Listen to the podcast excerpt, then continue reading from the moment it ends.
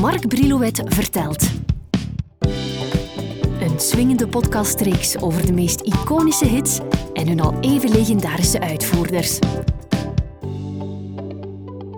De zomer van 1975 leverde sterke hits op in de Amerikaanse lijsten. Hits die elkaar waard waren. The Hustle van Van McCoy, One of These Nights van The Eagles en Jive Talking van de Bee Gees. Ook in Europa deden die singles het keigoed. Het was voor het NCC met hun I'm Not In Love verduiveld moeilijk om daar tegenop te boksen. Nadat Eric Stewart de Mindbenders had verlaten, met wie hij onder andere de hit A Groovy Kind of Love op plaats zette, vormde hij samen met Lal Cream, Graham Goldman en Kevin Godley, die tot dan toe in The Mockingbirds hadden gespeeld, de groep Hot Legs. Om hun studiomateriaal wat uit te testen, namen ze voor de fun het liedje Neanderthal Man op, tot hun verbazing goed voor een hitnotering. Dat leverde hun een contract op bij UK Records, eigendom van Jonathan King. Sander Daags vertelde hij die jongens, nadat hij daar een mooie droom had over gehad, dat ze voortaan als Stan CC door het leven zouden stappen en dat Donna hun volgende single zou worden. Deze keer goed voor een tweede plaats in de Britse top 40. In Amerika lukt het pas met Rubber Bullets, met twee jaar later als absolute hoogvlieger I'm Not In Love, een nummer geschreven door Graham Goldman en Eric Stewart. De basisidee is van de hand van Eric. Zijn vrouw vond namelijk dat hij na acht jaar huwelijk nog zelden zei dat hij van haar hield. Dat vond Erik echt niet nodig, want hoe vaker je dat zegt, hoe minder geloofwaardig het klinkt, beweerde hij. Daarom dat hij haar voortaan regelmatig plaagde met het zinnetje I'm not in love.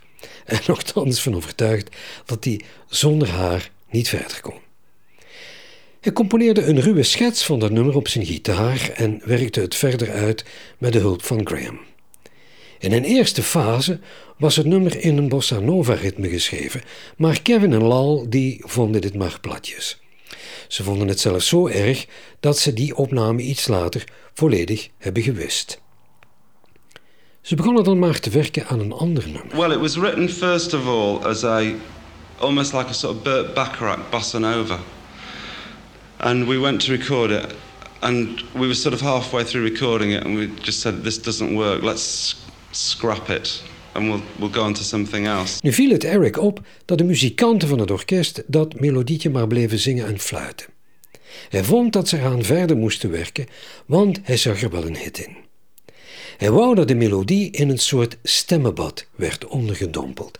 Dat laatste was vooral een idee van Godley Cream, die voorstelde dat ze er een soort wall of sound van zouden maken, louter gebaseerd op het gebruik van hun stemmen. Dus trokken Goldman, Cream Stewart naar de studio en zongen een aantal zangpartijen in die ze nadien dubden, zodat ze in het geheel 48 stemmen hadden. En toen kwamen ze op die idee dat op een bandopnemer te loopen, wat uiteindelijk neerkomt op zo'n 256 zangpartijen. Pas nadien werden de instrumenten aan het geheel toegevoegd, goed voor drie weken werk in de studio. De instrumenten, opgelet, mochten niet overheersen, die moesten het nummer eerder dragen. Een Fender Rhodes elektrische piano, een Moog synthesizer en een Gibson gitaar. De fluisterpassage in het midden van de song, Be quiet, big girls don't cry, is voor rekening van secretaresse Keith Refern, die toen op het kantoor van Strawberry Studios werkte. But the song sort of kept haunting us, so we just changed the beat. And what we did in the actual recording of it, I played rhythm guitar, Eric played electric piano, and Kevin played a Moog synthesizer on a bass drum sound. We all played together and we did it very quickly. And We went out for dinner and we came back and we listened to it and we said, This is something. Something's happening here. And we put a few other things on. And then Lol came up with the idea of these voice. He said, Wouldn't it be great if we could have like the whole world doing backing vocals? So he said, Yes, right, let's do it. So we figured out a way of doing it because it, it, it, ended up with about 230 odd voices on the on the track. What we did, we made loads of vocal loops of each note that we were going to use fed them through the desk, and the desk was became a musical instrument. So each fader on the desk had a different note. So we could have chords ah ah ah ah sound just by pushing the up. Na dit gegoochel in de studio trekt Eric Stewart naar de directie van Phonogram, want hij wil wereldwijde promo.